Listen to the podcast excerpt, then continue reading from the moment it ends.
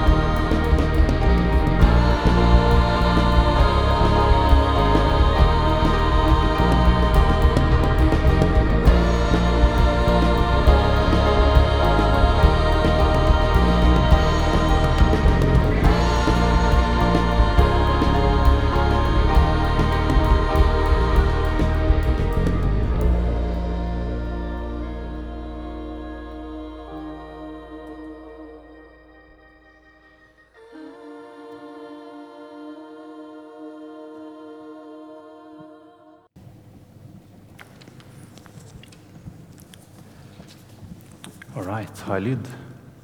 Konge. Vi har en flink tekniker her i kirka som husker å liksom mute mikrofonen ikke skal være på. Det er jeg utrolig takknemlig for. Um, yes. Det har vært en litt eh, krevende gang å jobbe med preken, syns jeg. Jeg har jobbet med denne teksten, jeg synes den var vanskelig. Men så går jeg inn på VG og NRK i går kveld, og så skjønner jeg at det har skjedd store, store ting. Etter lang tid med forventning. Folk har lurt, det har vært stor undring. Men nå får vi endelig vite Vi har endelig fått vite hvem som var inni snømonsteret. Og bamsen og dragen. Jeg skal helt ærlig innrømme, jeg har ikke fulgt så veldig mye med på Maskorama eh, denne høsten. Egentlig kanskje litt fordi jeg har jobba mye med det som er juleversjonen av Maskorama. Jul er jo greit, vi feirer et barn i en krybbe. Men spørsmålet er hvorfor har dette noe å si for meg? Vi må huske hva julen egentlig handler om, hører vi ofte. Ja, ja, det er jo Jesus, men spørsmålet er vel mer hvem er Jesus? Hva har det lille barnet i krybben å si for meg? Jeg skal gi dere en kort recap. Hvis vi tenker at dette her er kjendis, eh, hvis dette er Maskorama, da, så fins det noen kjendistips til hvem Jesus er. Jeg skal gi dere en kort recap. Den første er Johannes døperen. Ifølge Johannes døperen så er Jesus det lille barnet i krybba selveste Messias. Frelseren, Guds sønn, kommet for å frelse verden. Hvis du spør noen andre som også hadde ganske stor peiling på Bibelen, og sånn, eller Gamle testamentet, fariseerne, så vil de si at Jesus var en fyr som var en gudsbespotter. En fyr med altfor, altfor stort ego. Og hvis du spør Jan Thomas, hadde han sikkert liksom gjetta Märtha Louise. Som han pleier å gjøre. Men dagens tekst handler om dette. Hvem er egentlig Jesus, og hva har jula å si for oss? I teksten vi nettopp hørte, så hører vi Jesus i en veldig spennende setting. Han har nettopp helbreda en mann som har vært lam i 38 år. Han har ligget der ved en dam hvor det skulle være helbredelse, og så blir han aldri helbreda. Men så kommer Jesus og sier, 'Ta opp båren din og gå'. Fariseerne møter han med kritikk.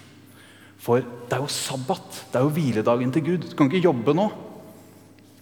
Jesus svarer med å um, si Hvis dere visste hvem jeg var Og for det første, Johannes han kjenner dere til. Han har vitna om hvem jeg er. Men nummer to, dere trenger egentlig ikke noe vitner i det hele tatt. Hvis dere bare hadde fulgt med på hva det er jeg gjør, rett foran øynene på dere, så hadde dere skjønt hvem jeg var. Men jeg har lyst til at vi skal dvele litt ved punkt nummer én. Johannes. Johannes døperen han var litt av en fyr. Han gikk rundt i kamelhårskappe. Han spiste gresshopper og villhonning, sies det. Og Det høres jo ganske eksentrisk ut, men det som er spesielt med de tingene, er at det setter han i kontinuitet med de profetene vi kjenner fra Det gamle testamentet. Det gir han en autoritet. Og så gjør han som de profetene også gjorde. Han sier til folk lev enklere. Rydd bort det der raske. Hvis dere vil se Gud, så liksom prøv å tone det litt ned. Og så er han samtidig, også som profetene, han er knallhard. Sånn som Jesus var for to uker siden. Han er kompromissløs i møte med urettferdighet. Han var en profetisk røst som pekte på maktmisbruk overalt hvor han så det. Og Han gjorde det i den grad at til slutt så kritiserte han Herodes. Og det endte med at han ble halshugga for det. Sånn ender livet til Johannes. Men før det skjer, så opplever Jesus, Johannes å bli vanvittig populær. Johannes i kamelhårskap og alt, han er liksom, han er the guy å kjenne. Han er fyren å være rundt. Det virker som det var et eller annet ved det han gjorde, som bare tiltrakk seg folk. Og Man kunne skjønt det hvis det gikk til hodet på Johannes, men han holder hodet kaldt og peker videre. I alle malerier dere ser av Johannes, så vil dere se han, eller i hvert fall veldig mange av dem, med en lang pekefinger. Han pekte alltid videre. Han var kun veirydderen for frelseren som skulle komme. Johannes sitt liv og hans forkynnelse, hele poenget var at det skulle være en lampe som skinte veien mot Jesus. Grunnen til at vi må snakke litt om Johannes, er at når vi går på spørsmålet 'Hvem er Jesus for oss?', så må vi innrømme at vi trenger disse veirydderne. Vi trenger lampene. For det er så mye som kan komme i veien, så mye som kan skyggelegge for Jesus i den, moderne verden. Så vi trenger også moderne Johanneser. Vi trenger folk som motbeviser fordommer om kristne. Vi trenger smartinger som John Lennox, matematikeren som jobber med trosforsvar, tro og vitenskap. Vi trenger helgener som Sankta Lucia, mor Teresa, som viser hva Guds kjærlighet er i praksis. Vi trenger mennesker som oss, som i hvert fall prøver å lage litt kirke og inviterer inn. Hun sier 'kom og se'. Vi trenger profetiske røster, som Greta Thunberg, som sier at nå må vi ikke bli oss selv nok, vi som bor i den rike delen av verden. Vi trenger kort sagt veirydderne for å hjelpe å rydde bort rusk og rask. Som hjelper oss å se at vi trenger Gud. Vi trenger å rydde i vårt eget rask, tror jeg, av og til. Og så tror jeg også vi trenger å spørre oss selv kan jeg kanskje være en lampe for noen. Kan jeg rydde veien for noen andre? Vi synger ofte 'midt i mørket'. Der lyser det noen. Kanskje er det meg som kan vise andre rette vei. Poenget er at det er godt at vi har adventstida, så vi har tid til å tenne lysene. Sånn at vi kan se på veiriderne, de som skinner mot Jesus. Johannes var den perfekte veirydder. Den største profet som noensinne er blitt født av en kvinne. Det sier Jesus. Og så sier han i dagens tekst, men i forhold til det jeg gjør, så er det ingenting. Ja, Johannes var en glødende lampe. Og det Lyset hans det pekte i retning av nattens mørke. Folk i riktig retning i nattens mørke. Men det Jesus gjør, det er som det står et annet sted, at det er kun som en lampe som når sola står opp om morgenen, det blekner fullstendig. I dagens tekst så står det Johannes, dette sier Jesus. Johannes var en brennende og skinnende lampe. Og for en tid vil dere glede dere i lys fra ham. Men jeg har et sterkere vitneutsagn enn det Johannes ga. De gjerningene far har gitt meg å fullføre. Dette sier altså Jesus rett etter at han har helbreda en lam person. Og det er like før han går videre og metter 5000, over 5000 mennesker med to fisk og fem brød. Matpakka til en liten gutt. Hvis du vil vite hvem Jesus er, se på hva han gjør. Og Det er akkurat som Gud i Det gamle testamentet. Nesten hver gang Gud introduseres der, så viser han tilbake til ting han har gjort før. Han sier, 'Jeg er Herren din Gud, Han som førte deg ut av Egypt'. Vil du vite hvem Gud er, se på hva han gjør. Du får ikke noe sterkere oppfordring til å lese et evangelie i juleferien enn det. Og Hvis du gjør det, så vil du oppleve Bibelens Gud, som er kjærlighetens Gud, som er handlingens Gud. Guds kjærlighetsspråk er handling. Gode gjerninger. Kjærlighet er handling. Um, er dere med meg? Ok, Da tar jeg dere med på et bitte lite sidespor. Fordi En ting som er veldig spennende, en av mine favorittfag under teologistudiet var religionsfilosofi. Og Et stort eh, dilemma i religionsfilosofien er at Gud er perfekt. Det er liksom en egenskap ved Gud. Og Derfor må også Gud være uforanderlig. For hvis du endrer noe perfekt, så er det ikke lenger perfekt. Eller så var det ikke perfekt i utgangspunktet. Alright? Så Gud må være uforanderlig. Men det er et kjempeproblem. Hvis, en hvordan, hvis Gud er uforanderlig, hvordan kan han da bli menneske? Eller hvorfor skal vi da be til Gud hvis han ikke endrer seg i det hele tatt? Hvis Gud ikke kan handle fordi han er uforanderlig, så har vi et problem med den kristne guden.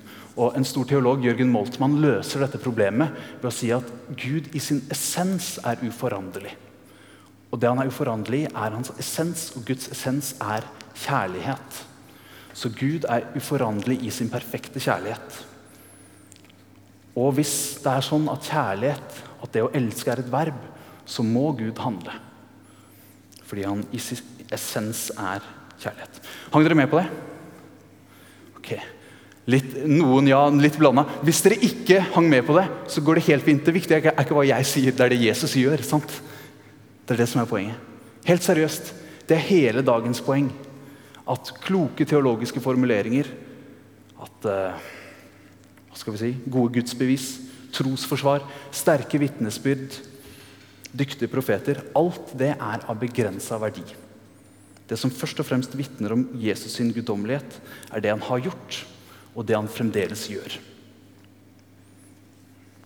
Jeg har veldig lett for å tenke, hvis jeg hører noen dyktige predikanter, eller ser noen helgener i arbeid Åh, Hvis jeg bare hadde hatt tro som de, hvis jeg bare hadde gjort sånn som de, da hadde troa mi vært i orden. Men selv om veiriderne har sin plass, selv om det er bra med gode forbilder, så handler det til syvende og sist ikke om hva vi gjør. Et eksempel på det er her i St. Jakob. Vi bygger fellesskap, vi skaper kultur, vi søker Gud. Det sier vi alltid. Og jeg er utrolig takknemlig og glad for alt vi har fått til det siste året. Det er helt vilt å se tilbake, med korona og alt. Men dette vi-et som vi snakker om i visjonen, det er et stort vi. Og det er viktig å presisere. Det handler om at alle oss er invitert inn, og også at Gud er med. Vi kommer med det som er våre gaver, våre evner, våre mangler og våre sår. Og så er vårt håp at det er Gud som bygger. Det er Gud som skaper, og det er Gud som driver vår søken mot ham. Om Gud er med oss i dette vi-et, så kan vi oppleve hvem Gud er, gjennom hva han gjør i oss og i vårt fellesskap. Følger dere den? Og det er en stor tanke. Og alle er invitert inn til å komme med sine fisk og brød, sånn at Jesus kan velsigne det og gjøre det til gaver på dette stedet, som bygger, skaper og søker. Jeg tror nøkkelen for at dette stedet skal være en plass hvor Gud fremdeles jobber, er at vi kommer med de tingene vi skammer oss over, og våre svakheter, like mye som talenter og stoltheter. For legg merke til alle tegnene som Jesus gjør i Johannes evangeliet. Disse handlingene som han viser til. Ikke én gang, ikke én gang starter det med at noen sier sånn Hei, sjekk Jesus, se hva jeg får til. Eller ah, se hvor smart jeg er. Eller jeg hadde vært en dritbra veirydder for deg. Hvert eneste av disse tegnene starter med noen som ber om hjelp. Det starter alltid med noen som inviterer Jesus inn i sin sårbarhet. Og når Jesus inviteres inn, da går han til aksjon. Gang på gang. Handlingens og kjærlighetens Gud. Gud- Guds rike ble da ikke fullt synlig i denne fantastiske profeten som Johannes var. Den perfekte profet. Nei, Guds rike det ble synlig blant døve, lamme, spedalske. Guds rike ble synlig i et bryllup som gikk tom for vin.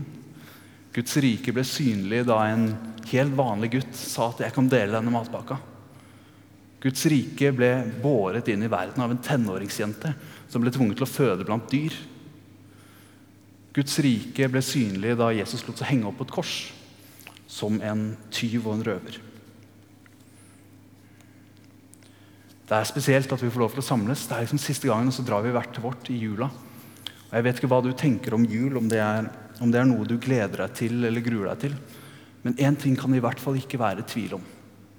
Du trenger ikke være usikker på om din jul eller ditt hjem er fint nok eller kult nok eller stort nok til at selve hovedpersonen stikker innom. For overalt hvor det finnes mennesker med sårbarhet og barmhjertighet, mennesker som ønsker Guds nærhet, overalt der, der er Jesus. Kjærlighetens og handlingens Gud. Adventstida er bra. Forberedelsene er nyttige. Det å skape plass til Gud, det er viktig. Trosforsvar er viktig. Forbilder er viktig. Om du kan være en veirydder inn til troa for andre, så er det fantastisk. Men det avgjørende er til syvende og sist ikke hva du gjør, eller hva du forstår, men hva Jesus har gjort og enda gjør. Kjærlighetens Gud kommet nær oss i vår sårbarhet. Vi skal nå synge en salme. Den er skrevet av Hans Adolf Brorson. Hele salmen sentrerer rundt det ufattelige mysteriet. At Gud velger å gripe inn, og at Guds hellighet treffer denne skitne stallen. Brorson han opplevde hardere enn de fleste hvor hard denne verden kan være. Han hadde mange barn, men ti av de døde da de enda var unge. Og Brorson han skulle bli biskop i Danmark, og da han dro for å bli biskop i København, så opplevde han at kona som var gravid, og barnet døde begge to under fødsel. Han levde et vanskelig liv, tror jeg, på mange måter. Og så skriver han da denne fine julesalmen, hvor han undrer seg over hva kan ha drevet Gud til å ville inn i en sånn forferdelig verden, hvor det fins smerter som dette. Hvorfor velge å trå inn i elendigheten? Brorson forstår ikke Gud. Gud er delvis skjult bak en maske. Men i de siste versene så velger han allikevel å bare ta imot. Hvis du allikevel har kommet, jeg inviterer deg inn i sårbarheten. For Brorson så er ikke jul noe sentimental, overfladisk greier. Julemysteriet er liksom selve grunnen til at han holder ut. I den mørke stallen så finner han lyset. Kjærlighetens Gud. Kommet for å handle i verden. Hvis du lurer på hvem Jesus er, se hva han gjør.